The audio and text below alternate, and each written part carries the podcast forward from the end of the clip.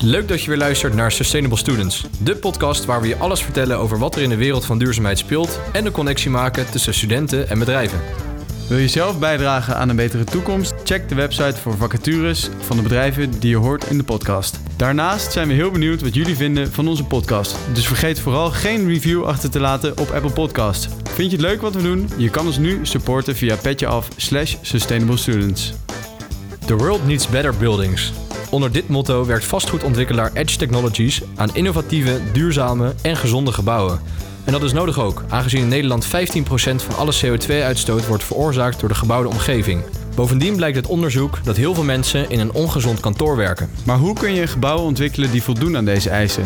Die gebruik maken van de laatste digitale technologieën, energie-neutraal en circulair zijn en daarnaast zorgen voor een gezonde woon- of werkomgeving en er ook nog eens mooi uitzien. Ik ben Paul En ik ben Thomas. en in deze aflevering zitten we aan tafel met Mayeda Shaban, Director Projects bij Edge Technologies. Zij is onder andere direct verantwoordelijk voor de herontwikkeling van het ABN AMRO kantoor in Amsterdam Zuidoost, waar al deze aspecten aan bod komen. Hoe dit allemaal in zijn werk gaat, hoor je in het komende half uurtje. Geniet van de aflevering. Sustainable Students. De podcast.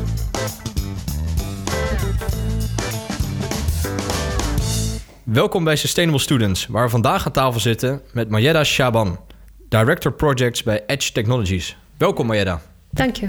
En we zitten vandaag voor het eerst in onze nieuwe studio ook. En dus eigenlijk is het heel fijn dat we met een projectontwikkelaar zitten. Want wat zou jij hier nog aan veranderen? Oeh, dan moet ik heel kritisch gaan kijken. Het moet wel goedkoop blijven. ja. Nou, met een likje verf kom je al een heel eind. Nou, dat is fijn om te horen. Ja, een paar plantjes misschien en dan, eh, Dan ziet, ziet het er weer gezellig uit. Ja. Misschien goed om heel even te beginnen met, eh, voor de mensen die Edge niet kennen. Eh, wat doet Edge eigenlijk precies, als je het heel kort zou moeten omschrijven? Ja, Edge Technologies is een eh, projectontwikkelaar. Eh, wij noemen onze laatste tijd eigenlijk ook een duurzame eh, ontwikkelaar van eh, ehm, met afgelopen jaren met name kantoorgebouwen.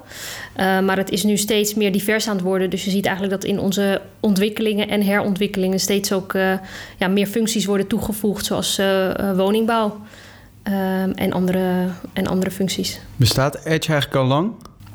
Ja, ehm, Edge Technologies is, bestaat nu, ik denk, twee jaar. Maar het, het was ehm, OVG projectontwikkeling. En OVG projectontwikkeling bestond al sinds 1997. Oké. En uiteindelijk zijn we nou ja, van OVG projectontwikkeling overgestapt naar Edge Technologies. Omdat dat ja, ook beter past bij wat we, wat we, wat we uitdragen nu als, eh, als bedrijf. Je zegt al even projectontwikkeling.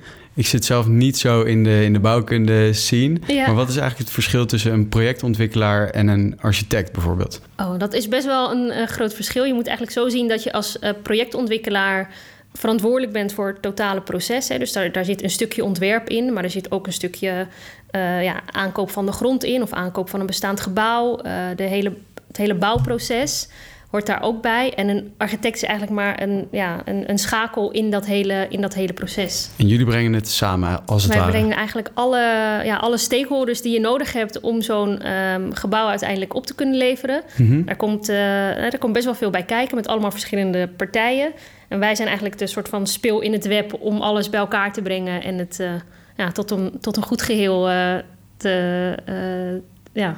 Te laten komen. ja, Je zei wel al zelf eh, dat jullie wel een stukje van het design doen, maar hoe moet ik dat precies voor me zien? Dus welk stuk doet de architect en welk stuk doen jullie dan? Of is het een soort interplay of zo? Ja, je moet het eigenlijk zo zien dat wij beginnen met een, een, een haalbaarheidsstudie. Eh, nou, dat doe je dan in, in grote volumes, in vierkante meters. En daar hoort een financiële analyse ook bij. Nou, dan bepalen wij in grote lijnen wat ongeveer de outline van het gebouw moet worden. Eh, maar het echte ontwerp, hè, dus echt de, de, de, de, de, on- de de architectuur, eh, maar ook de installaties. En eh, daar heb je allemaal partijen voor nodig die, nou, die, die daar veel beter in zijn dan wij. Dus wij maken een ontwerpteam, wij stellen een ontwerpteam samen. Want het bestaat onder andere uit een architect, maar ook uit een installatieadviseur en een con- constructeur en eh, een bouwvisiesadviseur en een brandveiligheidsadviseur. nou, en wij coördineren eigenlijk dat hele proces om uiteindelijk ervoor te zorgen dat we een ontwerp hebben.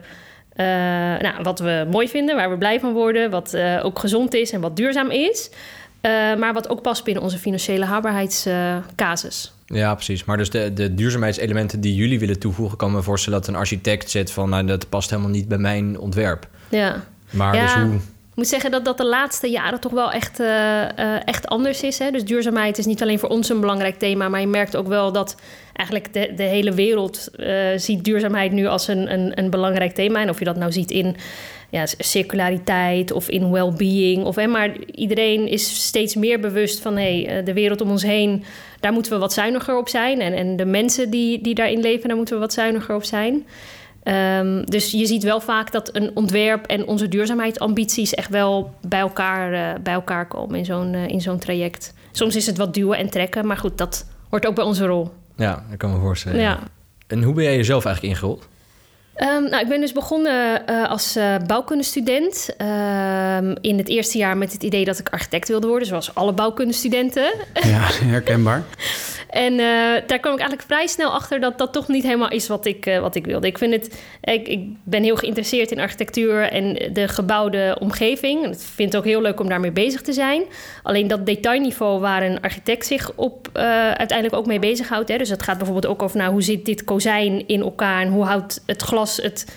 Hè, hoe, hoe, dat vond ik uiteindelijk net iets te ver gaan. En ik was eigenlijk veel meer geïnteresseerd in dat hele proces eromheen. Van nou ja, hoe komt zo'n gebouw uiteindelijk tot stand? En dat is veel meer dan alleen maar het ontwerp. Daar komt echt veel meer bij kijken. Nou, dus toen dacht ik van, nou, ik wil eigenlijk toch geen architect worden. Ik wil meer betrokken zijn in die hele planvorming die daaraan vooraf gaat. En ook de financiële haalbaarheid. Want ja, je kan een leuk plan bedenken. Maar als je het financieel niet rondgerekend krijgt, dan komt het er niet. Ehm, ja, dus zo eigenlijk toen was ik me best wel snel eigenlijk in mijn studie gaan focussen op, eh, op projectontwikkelaar als einddoel. Nou, en eh, zo, eh, zo is het gegaan. En, zo, en eh, hoe ben je toen bij Edge gekomen? Ja, dat Wat was sprak toen je nog- daaraan aan eigenlijk? Ja, dat was toen nog OVG. Nou, als, binnen de projectontwikkelingswereld ehm, is, was OVG toen gewoon wel echt al een, een begrip in Nederland. Hè, met een paar grote projecten toen. de Maastoren, dat was een project in Rotterdam. Dat was toen het hoogste kantoorgebouw van de Benelux, eh, volgens mij. klopt.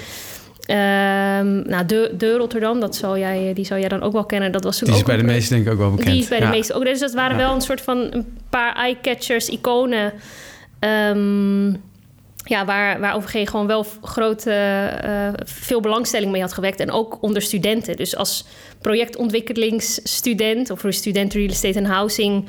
wist je wel wie OVG was. Dus eh, Ja, met zulke projecten is het ook wel aantrekkelijk dan om daar, eh, daar te komen werken dan, denk ik. ja, ja, ja, zeker. Dus ik had wel het idee van... nou ja, als ik, als ik afstudeer... dan zou ik het heel leuk vinden om daar te werken. Nou, en ik heb gewoon gesolliciteerd. En het is gelukt. Het is Want nu gelukt. zit, je, Ja. en nu zit je hier om erover te praten. Ja. Ehm, wat, eh, we hebben het er al heel even over gehad, maar misschien eh, leuk om het iets uitgebreider te doen van wat Edge precies doet. Eh, waar- en waar kunnen we Edge nog meer van kennen, behalve misschien de Rotterdam? Eh, ja, je zei al appartementen en kantoren.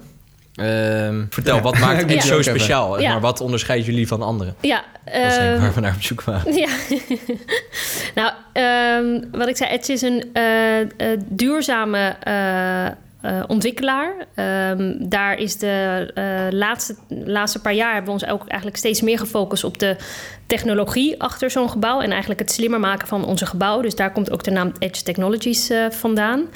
Ehm, en je kent eh, Edge Technologies waarschijnlijk van onze eh, ontwikkeling eh The Edge. Dat is het, het gebouw waar Deloitte ook in, in is gehuisvest in Amsterdam op de Zuidas. Ehm, en meer recent van eh The Valley. Dat is ook een grote ontwikkeling in Amsterdam. Waarbij kantoren en, en woningbouw worden gecombineerd in een ja, hele, hele bijzondere architectonische verschijning. Ehm, en eh, nou, wat, wat, je zegt, nou, wat, wat onderscheidt jullie dan? Hè? Want wat, wat ik eigenlijk net ook al zei, van veel bedrijven die focussen zich nu op, focussen zich nu op duurzaamheid. Ehm, en eh, steeds ook meer op gezondheid. En eh, het stukje technologie en het, eigenlijk het slimmer maken van onze gebouwen, dat ja, is denk ik wel echt een stukje waarin wij, waarin wij vooruitlopen op, op onze concurrentie. En wat voor soort technologie moeten we dan aan denken? Ja, je moet het denken. eh, het zit in. eh, wij noemen dat dan de backbone van onze gebouw. Dus dat is eigenlijk een. eh, ja, eh, ehm, een, een. netwerk aan kabels of zo. Ja, dat is een netwerk aan kabels. Dat is gekoppeld aan, een, aan, aan sensoren in, in het gebouw. En die sensoren die meten eigenlijk de manier waarop we het gebouw gebruiken. En dus die zorgen ervoor van, nou, die kan, die kan meten wat de luchtkwaliteit is. En als de luchtkwaliteit niet goed is, nou, dan krijgt het systeem een signaal waardoor je die luchtkwaliteit kan verbeteren in een bepaalde ruimte. Uh, het gebouw meet ook van hey, um, hè, op bepaalde dagen, bijvoorbeeld op vrijdag of op woensdag, is het wat minder druk in het gebouw. Dus dan is het slim om um, een, een, verdieping bijvoorbeeld af te sluiten en de andere verdiepingen wat intensiever te gebruiken, zodat je ook met je, hè, bijvoorbeeld met je schoonmaak en met andere zaken veel slimmer met je gebouw om kan gaan. Dus dat zijn eigenlijk al dingen waar jullie rekening mee houden terwijl er nog niemand in zit. Ja. Uh, waar niemand waarschijnlijk ook fysiek van ziet dat dit allemaal er zit, maar het zit er toch. Ja, ja. Dus en het is eigenlijk bedoeld om uh, zowel voor de uh, gebruiker, hè, dus om nou, dat als ik hier zit, dan kan ik bijvoorbeeld ook de licht, het licht bedienen en de temperatuur. Ehm, als ik denk van nou, ik wil het een, een graad warmer of een graad kouder, dan, dan kan dat. Hè, omdat die sensor weet van nou, ik zit hier en die kan ik dan bedienen met, met mijn telefoon, een app op mijn telefoon. Uh, maar ook voor een gebouw-eigenaar is het handig, omdat je kan zien van hey, hoe wordt mijn gebouw eigenlijk gebruikt en wat kan ik doen om mijn gebouw te verbeteren uh, voor eventuele toekomstige gebruikers. En hoe zit het dan met uh, appartementen? Want voor, voor een kantoor kun je een hele verdieping afsluiten. Maar ik zou het niet Klopt. zo fijn vinden als voor mijn appartement nee. mijn verdieping wordt afgesloten. Dus hoe zie je technologie daar dan in terugkomen? Ja, het is inderdaad met name de technologie in de kantooromgeving. En je ziet dat in, ja, de, uh, in, in de woningbouw ja, loopt dat wel iets achter dan, dan in de kantooromgeving. En los van die technologische dingen, wat zijn dan nog meer dingen waar wat echt een een core aspect is in, in zo'n uh, ontwikkeling voor jullie? Uh, Bijvoorbeeld op het gebied van energie of... of uh... Ja, we, we, wat je de laatste tijd natuurlijk... en dat is um, enerzijds wordt dat nu ook steeds meer vanuit de regelgeving uh, voorgeschreven. Hè? Dus uh, Bang is nu iets wat uh, de, de Bang bijna energie-neutraal gebouwen. Oké. Okay. Daar staat uh, Bank voor. Nou, dat, eh, dat is iets wat nu steeds meer ook vanuit de overheid wordt ge, gereguleerd. En wanneer is iets bijna energie-neutraal? Wat is, wat, wat is, wat is de, ja, grens bijna? bijna? Ja. ja. dat is dus een beetje, uh, dat is een beetje lastig. Uh, maar nou ja, je hebt, het, het punt is dat je hebt een bijna energie-neutraal gebouw. Hè, dus dat is eigenlijk als je, um, als je helemaal energie-neutraal bent... dan wekt je gebouw eigenlijk alle energie die het gebouw nodig heeft... die wordt duurzaam opgewekt. Mm -hmm. Dus dan verbruik je niet meer energie uh, dan dat je gebouw nodig heeft. Of tenminste... Ja, dus je trekt niks uit het net, zeg maar. Ja, ja. ja. En nou, daar heb je dan allerlei uh, ingewikkelde rekenmethodes voor. Van wanneer het dan wel, uh, hè, wanneer het dan bijna energie-neutraal is. Maar wat je recentelijk ook ziet, en dat, dat, denk, dat is echt een heel een, een lokaal of een, een Nederlandse ehm, overheids... een soort van maatstaf. Ja, maar je hebt natuurlijk de, de Paris Climate uh, Agreement, waarin ook zeg maar veel breder en eigenlijk op, op mondiaal niveau wordt gekeken van nou wat kunnen wij nou met elkaar doen om die energievraag uh, naar beneden te krijgen. Dus daar is, nou, daar is ook een, een Paris Proof akte voor, voor getekend. waar ook dat soort. door jullie of door iedereen is dat getekend? Ja, door, door landen die, die zich. Oh, hebben... dit is echt onderdeel van het Parijsakkoord. Ja, ja, ja. ja. En wat is dan uiteindelijk de doelstelling op de langere termijn? Va uh, voor ons? Ja, voor jullie en voor jullie ontwikkelingen. Waar, wat, wat moeten we verwachten? Nou ja, wat, je, wat wij uiteindelijk, zeg maar, als je even alleen kijkt naar uh, de, de energievraag, er zijn eigenlijk verschillende aspecten. Wij zeggen van nou, we willen niet alleen maar uh, qua energievraag onze gebouwen verbeteren ten opzichte van wat, wat de standaard is of wat de standaard was. Uh, wij willen dat ook doen op, op het gebied van gezondheid. Hè. Dus we willen gewoon dat op het moment dat mensen in het gebouw zijn, dat ze ook nou ja, in een prettige omgeving en in een prettig klimaat uh, zich begeven. Um, zijn gebouwen nu ongezond? Uh, ja, de meeste gebouwen zijn, zijn best ongezond. Wat voor zin? Nou, in, in de zin van het binnenklimaat. dus als je kijkt naar nou, we hebben wel eens metingen gedaan. Hè, en om, dan, om dat dan, um, ja, hoe zeg je dat, soort van beelden te maken, is dat als je in een vergaderruimte zit, zoals, zoals de, deze zoals ruimte, deze, misschien een goed puntje om eraan te veranderen. En je zou daar bij wijze van spreken twee uur vergaderen, dan is de, zeg maar de CO2-omzet in zo'n uh, in die ruimte staat dan eigenlijk gelijk aan het drinken van uh, anderhalf glas wijn. Dus je moet eigenlijk denken dat als je dan twee uur aan het vergaderen bent, dat je aan het einde van die vergadering met alle uitstoot van uh, iedereen, je uh, aan het vergaderen bent alsof je uh, anderhalf tot twee glazen wijn uh, op hebt. Dus je kan je voorstellen dat de efficiëntie van zo'n meeting. Ja. ja. Bizar eigenlijk, joh. Ja, dus en door gewoon frisse lucht en je, je klimaat uh, op, op, op peil te houden, of je binnenklimaat op peil te houden, kun je dat soort dingen voorkomen. En kun je dan met die slimme sensoren die er dan hangen, kun je dan ook een, uh, een, een vermeerdering of een verbetering ja. in productiviteit meten? Nou, Zie je, je dat dan ook op die manier kijk, terug? De productiviteit, dat, dat is heel lastig, hè, omdat per, kijk, als je een lopende band uh, fabriek hebt, dan kun je productiviteit meten. Want dan kun je zeggen van, nou, je doet zoveel producten per uur. Maar in, in, het, in een kantoorbaan is het best wel lastig om productiviteit te meten. Nou, we hebben dat wel geprobeerd om ook ons punt uh, duidelijk te maken. Hè? Van, joh, met ja. betere gebouwen heb je ook gewoon betere uh, productiviteit van je medewerkers. Uh, maar wat je, in, wat je in ieder geval wel hebt, is dat zo'n sensor die, die meet van oké, okay, hoeveel CO2-uitstoot is er in deze ruimte. En als dat boven een bepaald niveau komt, kan je je luchtbehandeling zo sturen dat er een dat er meer frisse lucht naar deze ruimte gestuurd wordt. Dus je meet het echt aan die CO2-concentraties. Ja. En dan hoop je eigenlijk dat je het in de toekomst nog kunt meten aan. Uh, uh, meten jullie het geluk van mensen eigenlijk in zo'n, in zo'n gebouw? Dat wordt wel, ja. De, je hebt van die uh, surveys. Ja? die, worden, die worden wel gedaan. Dus wij zijn dat nu. Ik ben bezig met een herontwikkeling in Amsterdam West. Ja. En dat is eigenlijk een gebouw wat we hebben, een, een bestaand gebouw. En twee van de gebruikers die er in zaten in de oude situaties, die komen ook weer terug in de nieuwe situatie.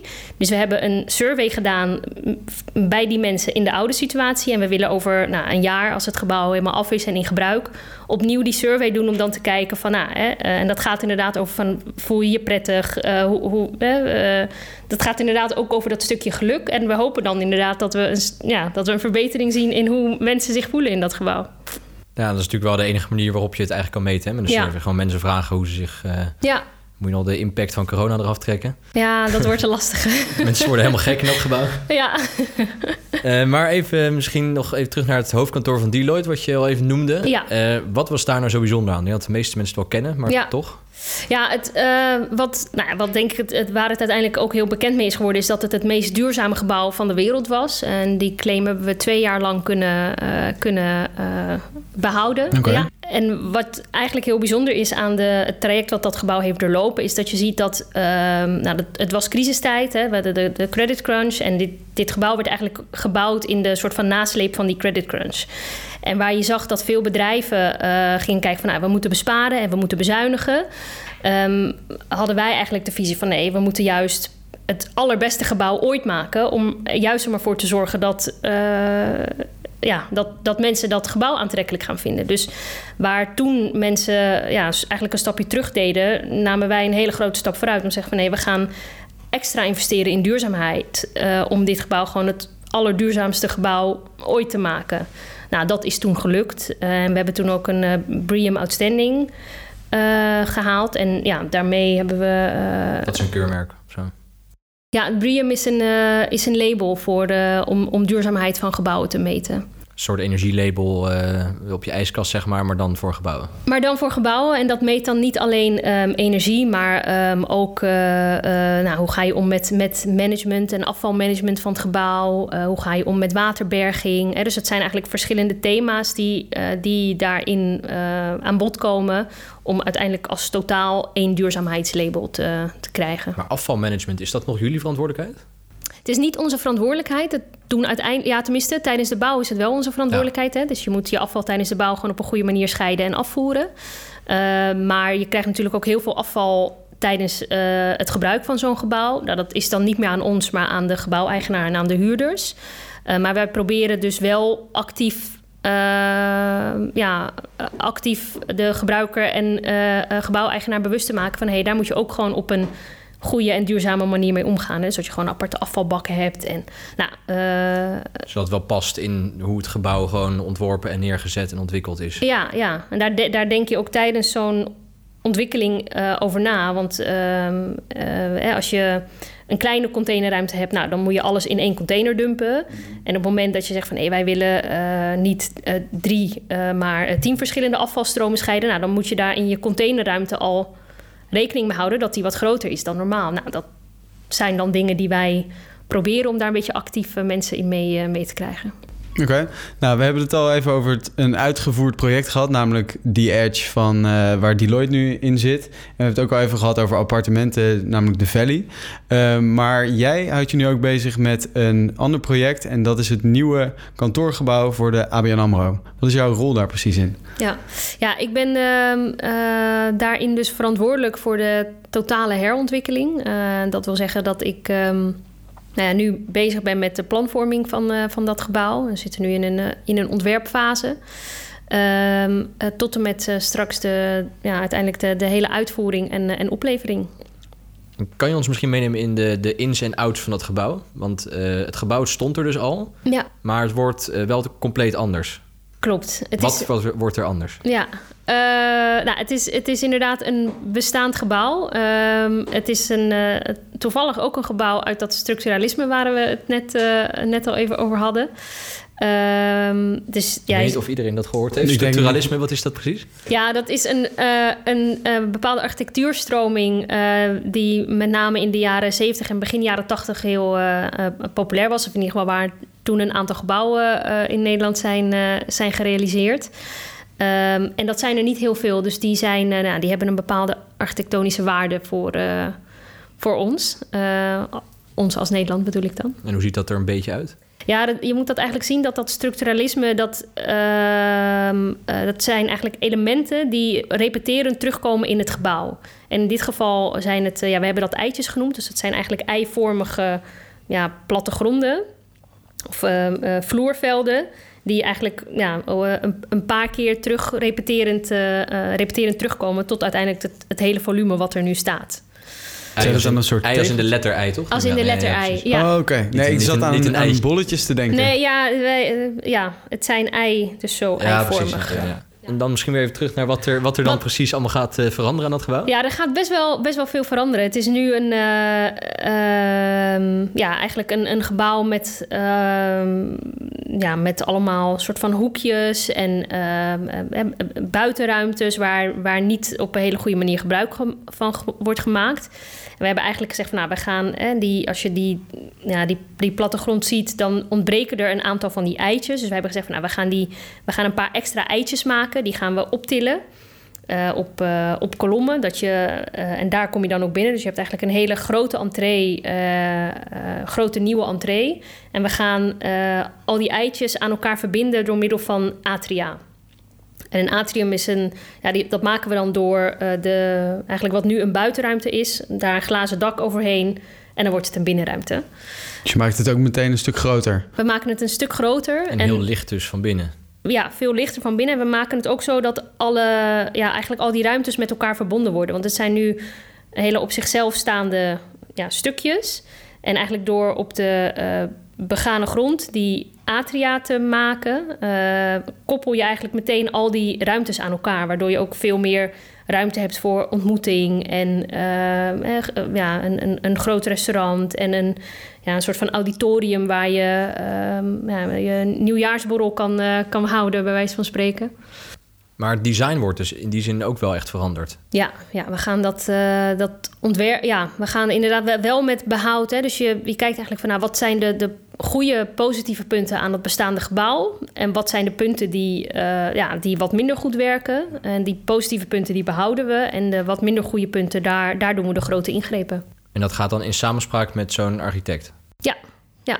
En dan hebben wij van tevoren dus bedacht van nou, het is eigenlijk wel als je kijkt van nou, hoe, hoe wil je deze ruimte gebruiken en ook langjarig gebruiken. En, en, en, uh, dus dat wil ook zeggen dat je er, erop moet rekenen dat over tien jaar de behoefte van ABN uh, eh, AMRO misschien iets anders is. Hè? Dus dat je wel ook wat flexibiliteit houdt om dat gebouw aan te kunnen passen aan de behoefte die er dan is. Uh, nou, daar hebben wij een soort van masterplan voor bedacht. En, en daar hebben we uiteindelijk de architect, uh, de oorspronkelijke architect overigens, die ook, uh, of het bureau wat ooit dat, dit ontwerp heeft gemaakt, die zijn nu ook weer betrokken als, als architect om het ja, nieuw leven in te blazen. Ah, ja. Leuk. Ja. En als je, als je dan kijkt naar dat je rekening houdt met een toekomstig gebruik van een kantoorgebouw. Nu is er denk ik heel veel leegstand in kantoorruimtes. Hebben jullie dus ook rekening gehouden met, het, met meer flexwerken? Of zijn er ook andere mensen welkom in dat gebouw uh, die niet bij ABN AMRO werken? Ja, je moet het eigenlijk zo zien dat de, um, inderdaad, er is een soort van hogere flexfactor hè, die, die nu gebruikt wordt. Dus dat je eigenlijk zegt van nou, hè, we, we weten niet hoe we straks in de toekomst dit gebouw gaan gebruiken. Uh, maar wat we wel zeker weten is dat we eigenlijk nooit meer naar een kantoorlandschap gaan waar iedereen vijf dagen per week, uh, acht uur per dag achter zijn bureau zit. Uh, dus nou, daar hebben we op voorgesorteerd. En uh, wat ABN ook belangrijk vindt, is dat we die, eigenlijk die plint van het gebouw, die begane grond, dat je die zo aantrekkelijk mogelijk maakt. En inderdaad niet alleen voor ABN-medewerkers, maar ook voor mensen die in de buurt wonen en die denken van hé, hey, ik heb vandaag zin om bij ABN te lunchen. Dat, dat kan. Hè? Want je kan in principe dat, dat gebouw in. En eigenlijk binnen die, die soort van semi-openbare uh, ruimtes, hè, dus zoals dat, dat restaurant. Um, en en dat, dat atrium waar hè, misschien wat, wat, um, ja, wat, wat opgesteld zal staan, of waar misschien een expositie zal plaatsvinden. Of, hè, ja, daar, blijft daar wordt ruimte voor geboden. Ja, blijft in zekere zin ook nog een klein beetje een buitenruimte voor niet-ABN'ers bijvoorbeeld. Ja, het is, het is wel een, een binnenruimte, maar hij wordt, uh, je, je, mag er als niet-ABN'er gebruik van maken. Ja. En hoe gaat dat het hoofdkantoor van Deloitte uh, verslaan als uh, de nieuwe, meest sustainable gebouw in de wereld? Ja, we, uh, we, we, zijn nu natuurlijk weer een aantal jaar verder. En op het moment dat dat gebouw wordt opgeleverd, ben je weer een aantal jaar verder. En de, de technologie die, die ontwikkelt zich in dat opzicht best wel snel. Wat zijn de grootste veranderingen in de afgelopen vijf jaar? Nou, je ziet dat bijvoorbeeld die, die sensors, die, uh, die, die zijn nu gewoon veel preciezer geworden dan, dan wat ze een aantal jaar geleden waren. Um, en uh, nou ja, daar kun je natuurlijk best wel goed gebruik van maken. Uh, als, je, als je denkt van nou, hey, ook alle de data, de hoeveelheid data die zo'n sensor kan oppikken en verwerken, dat, dat is ook meer geworden dan een paar jaar geleden. Het wordt eigenlijk nog slimmer. Ja, het wordt, het wordt steeds slimmer. En wordt dan het nieuwe gebouw een bijna energie-neutraal gebouw of wordt deze volledig energie-neutraal? Nou, we, gaan, we, we streven hier dus eigenlijk, we hebben gezegd van nou, hè, dit is een uh, uh, ABN, grote, uh, grote onderneming. We gaan niet kijken naar wat de lokale wetgeving zegt. We gaan kijken naar de Paris, Paris akkoord. En we gaan voor een nou, Paris Proof is in principe de, de norm hè, voor de gebouwde omgeving. Dat is dus dat je uh, minder dan 50 kilowattuur, uh, dat je gebouw minder dan 50 kilowattuur verbruikt. Nou, wij zitten nu op. Per, per, nee, per vierkante meter. Ik kan zeggen, dat is uh, weinig anders. Ja. Nee, en en wij zitten nu op een, op een verbruik van ongeveer 25. Dus we gaan eigenlijk veel verder dan wat de Paris, Paris Proof uh, eist eigenlijk. En hoe doen jullie dat? Nou, dat doen we eigenlijk door, uh, nou één, je kijkt gewoon van hoe kun je, je de, de, energie die je verbruikt, hoe kun je die op een slimme manier inzetten.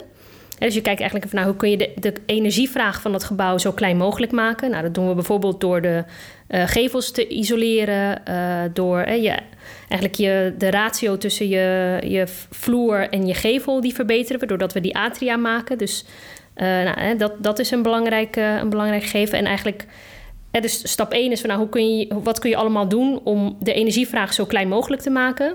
En stap 2 is de energie die je dan nodig hebt, hoe kun je die op een duurzame manier opwekken.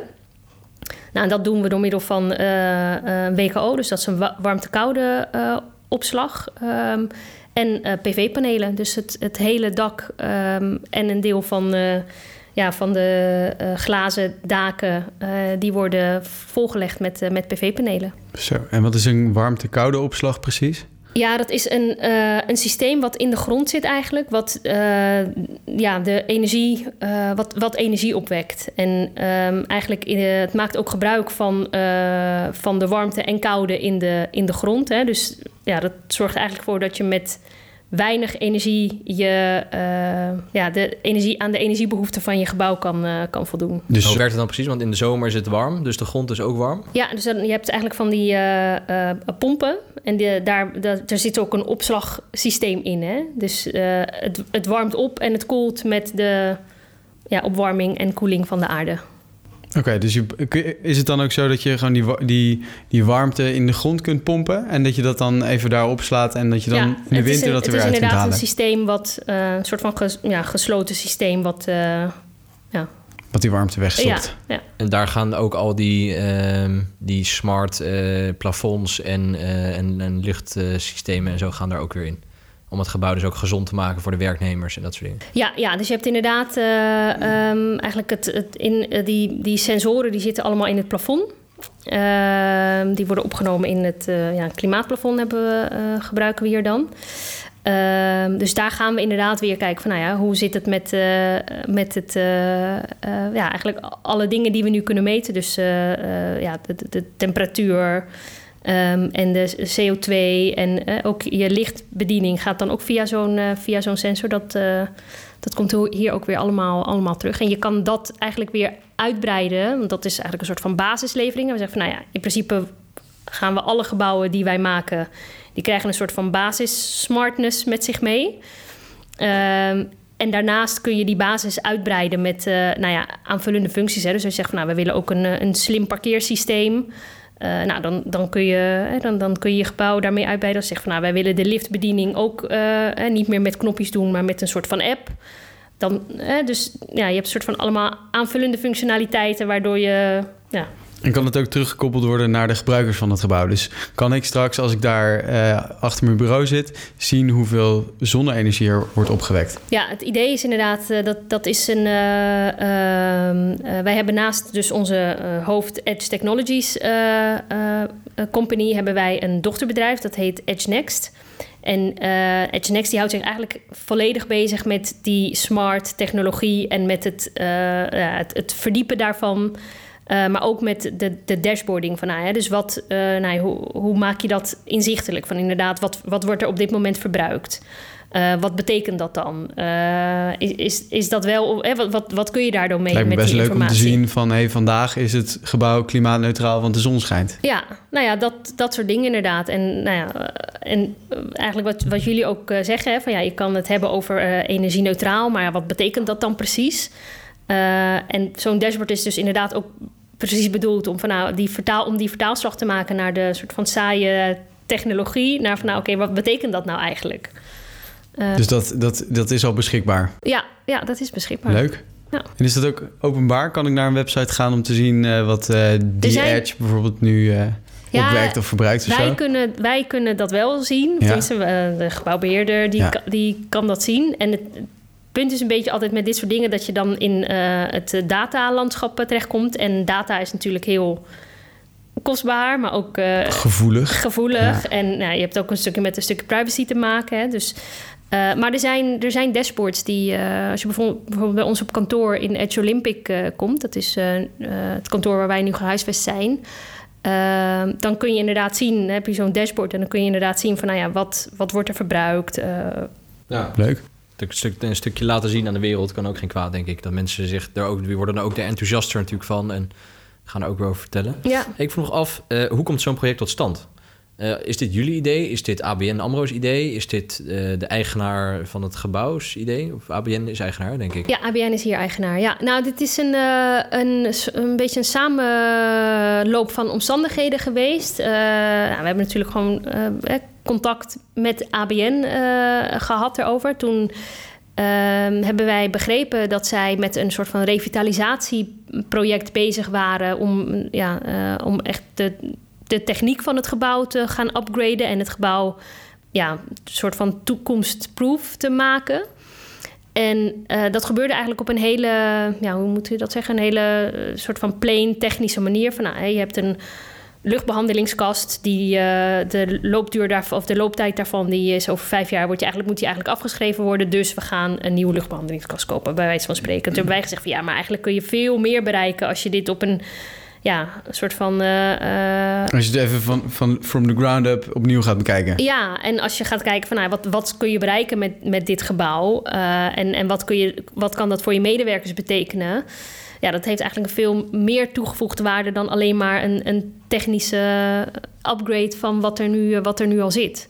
Nou, dus toen kwam dat idee met eigenlijk de, de we gaan 30% meer volume bouwen um, op, op deze locatie. Dus um, dus ja, jullie waren gewoon in gesprek daarover en zo is nou, toen, eigenlijk ontstaan. Ja, dus, dus, dus, toen hebben wij gezegd van... nou, weet je, laat ons maar even een, uh, uh, onze gang gaan. Wij gaan een uh, leuk plan bedenken en ehm, dan komen wij terug. Nou, en toen zijn een jaar geleden die gesprekken gestart van... joh, wij hebben best wel een leuk idee. Dat is iets heel anders dan waar jullie mee bezig zijn. En nou ja, omdat uh, het ook echt een goed idee was, werd ABN daar, uh, daar enthousiast over. En uh, nou, zo zijn die gesprekken begonnen. En nu zijn we een jaar later bezig om het echt van de grond te krijgen. En wanneer begint het? Nou, we zijn nu begonnen met het, het ontwerp. we zitten nu in de voorlopige ontwerpfase. Uh, nou, dat, dat gaat nog even duren. Dan moeten we op een gegeven moment een vergunning aanvragen. Uh, dus dat gaat ook wel even duren. Dat gaat ook wel even duren.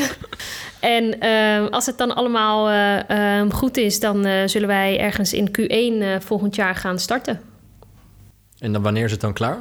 Dan is het in 2004, Q3, Q4 2024 is het klaar. Ah ja, dus dat duurt dan, het is het, tweeënhalf jaar zeg maar. Ja. En zitten er in de tussentijd werknemers in? Of is het dan helemaal leeg? Nee, dan is het helemaal leeg. Er is heel even sprake geweest van... Uh, nou, omdat het zo'n groot gebouw is... en omdat er best wel veel mensen van, uh, vanuit ABN AMRO werken... zeggen gezegd van, nou, we gaan een deel van het gebouw beschikbaar stellen... en in het andere deel gaan wij werken. Maar omdat we zulke ingrijpende maatregelen gaan... Uh, treffen, is dat helemaal niet handig om daar mensen in dat gebouw te hebben. En ja, we hebben natuurlijk wat dat betreft wel een beetje geluk met corona, omdat heel veel mensen natuurlijk toch al vanuit huis werken. Dus die worden, uh, maar dat is wel een interessant iets, want je hebt natuurlijk nieuwbouw en herontwikkeling. Ja. En dit zijn wel dingen waar je rekening mee moet houden bij herontwikkeling. Klopt. Omdat het gebouw al wordt gebruikt. Ja. Zijn er nog meer soort van essentiële verschillen tussen nieuwbouw, ook misschien op het gebied van duurzaamheid? ten opzichte van herontwikkeling? Ja, ja zeker. Je kan, kijk, bij, bij nieuwbouw kun je gewoon echt vanaf, ja, van, vanaf nul uh, starten met. Hè, dus je kan de, de, de je beste uh, gevel eh, de, de, gevel, de gevelopbouw kun je zelf bedenken. En op het moment dat je gaat herontwikkelen, dan heb je te maken met een bestaande gevel.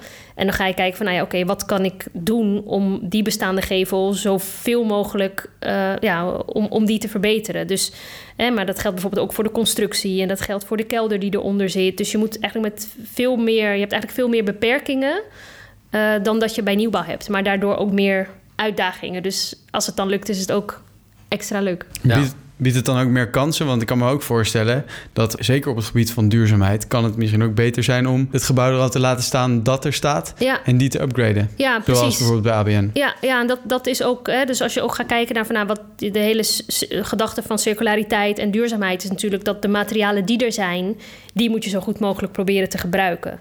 En uh, wat we daarnaast ook doen is kijken van nou, de, de extra materialen of de materialen die je, die je aanvullend nodig hebt. Um, nou, daarvan gaan we proberen om die op een circulaire manier uh, de- of remontabel uh, in te brengen in het gebouw. Dus bijvoorbeeld die nieuwe uh, bouwdelen waar ik het over had, die gaan we helemaal in hout opbouwen. Um, met als doel van nou, hè, dat, dat kun je uiteindelijk, als het, het gebouw het einde van de levensduur heeft bereikt, dan zou je die kunnen demonteren en dat hout op een andere manier weer kunnen gebruiken. En een belangrijk onderdeel van jullie uh, ontwerp is ook vaak dat er uh, natuur in terugkomt, toch? Je ziet heel vaak, Klopt. in ieder geval, ik heb uh, op de website zie je bomen en struiken ja, en zo. Ja. Wat is, wat is daar jullie idee precies bij? En krijgt dat hier ook een grote rol? Zeker, ja. We hebben nou, die, die grote atria, dus dat moet je ook inderdaad echt zien als de soort van groene longen van het, van het gebouw.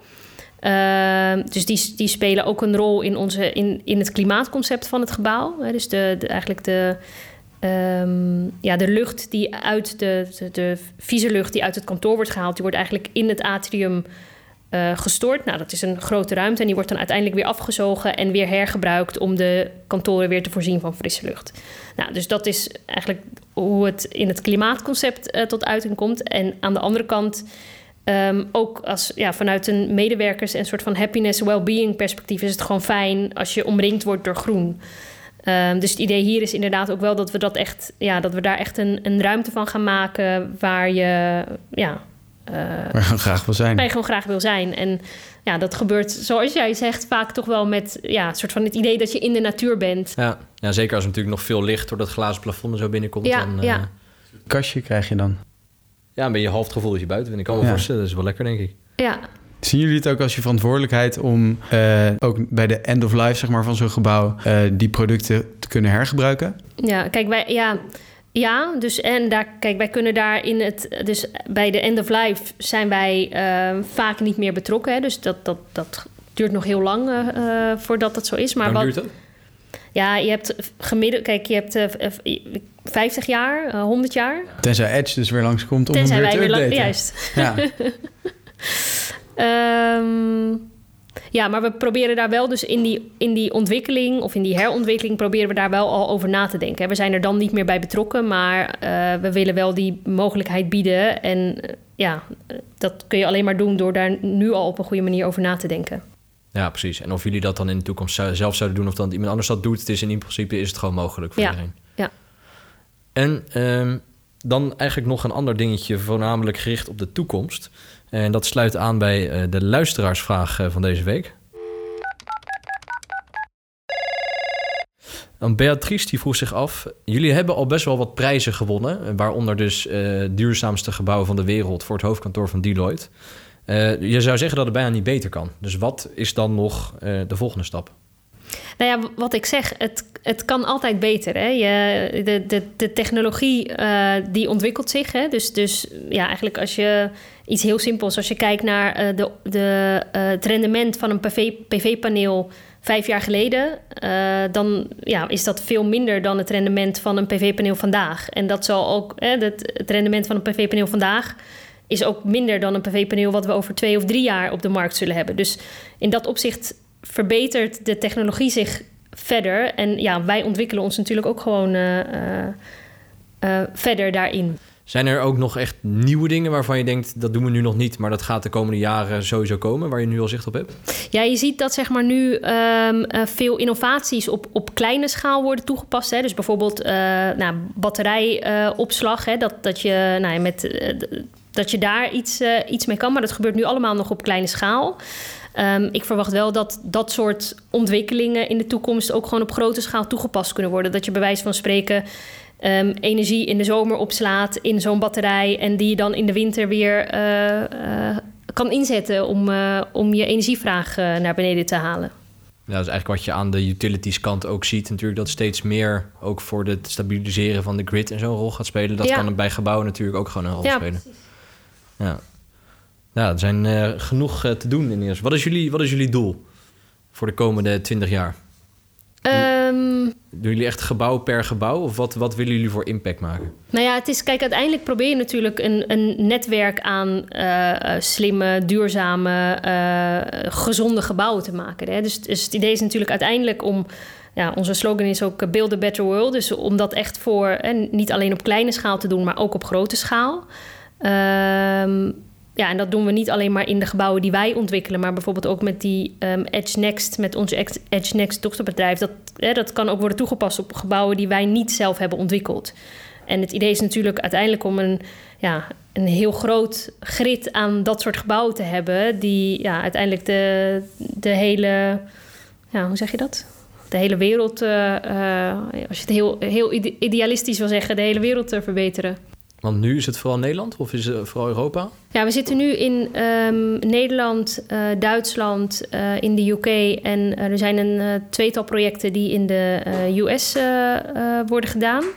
Of zijn gedaan. Eentje is van Unilever, die is, die is opgeleverd. Ehm, en ja, eh, dit is eigenlijk de opmars naar, eh, naar meer. Ja, ik ben heel benieuwd. Waar we de komende jaren allemaal gebouwen van Edge Ja. zien, eh, zullen zien verrijzen. Laten we de recyclevraag doen. Ja, doen we eens Eh, ja,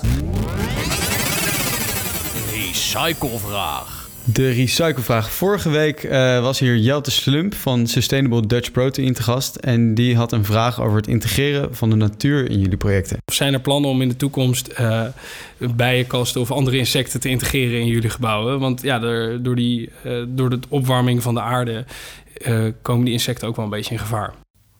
Jelte die doet zelf... Hij is zelf insectenkweker. ja, dat ja, is ja. eh, Uit eigen belang. eh, precies een beetje eigen belang. Maar zijn daar plannen voor? Nou, het is grappig. Wij hebben, daar, wij hebben dat al toegepast. Ehm, dus wij hebben in Edge Olympic, dat is ons eh, kantoor nu, eh, op, eh, op het dakterras een, eh, eh, een kleine bijen... eh, hoe zeg je dat? Eh, Bijenkast. Een kast, ja. En daar komt ook één keer in de zoveel tijd een imker die, die, de, ja, die honing eruit haalt. En dat worden wij, die verzamelen wij- dan weer in kleine potjes... Dat, eh, die wij eh, aan onze gasten mee kunnen geven. Oh, grappig. Ja. En dat is wel iets wat jullie ook vaker willen gaan toepassen. Ja, dit is natuurlijk een, ja, eh, op, op, op kleine schaal. Maar je ziet inderdaad dat eh, een soort van dat natuur-inclusief bouwen. eh, dat, dat is steeds meer ook een thema aan het worden. En dat geldt niet alleen voor insecten, maar eigenlijk voor de soort van hele bio-gemeenschap. dus om ook vogels en vleermuizen en allerlei andere eh, planten ook een, een plek te geven in dat gebouw. Dat, dat is wel steeds meer een thema waar we. Ehm, ja, waar we mee bezig zijn. Dus ook in, in de herontwikkeling van ABN zijn we daar nu al over aan het nadenken hoe wij natuur inclusief kunnen bouwen. Ik kan me voorstellen dat voor al deze plannen eh, jullie best wel eh, zitten te wachten op getalenteerde werknemers. Eh, hebben jullie mogelijkheden voor studenten of starters?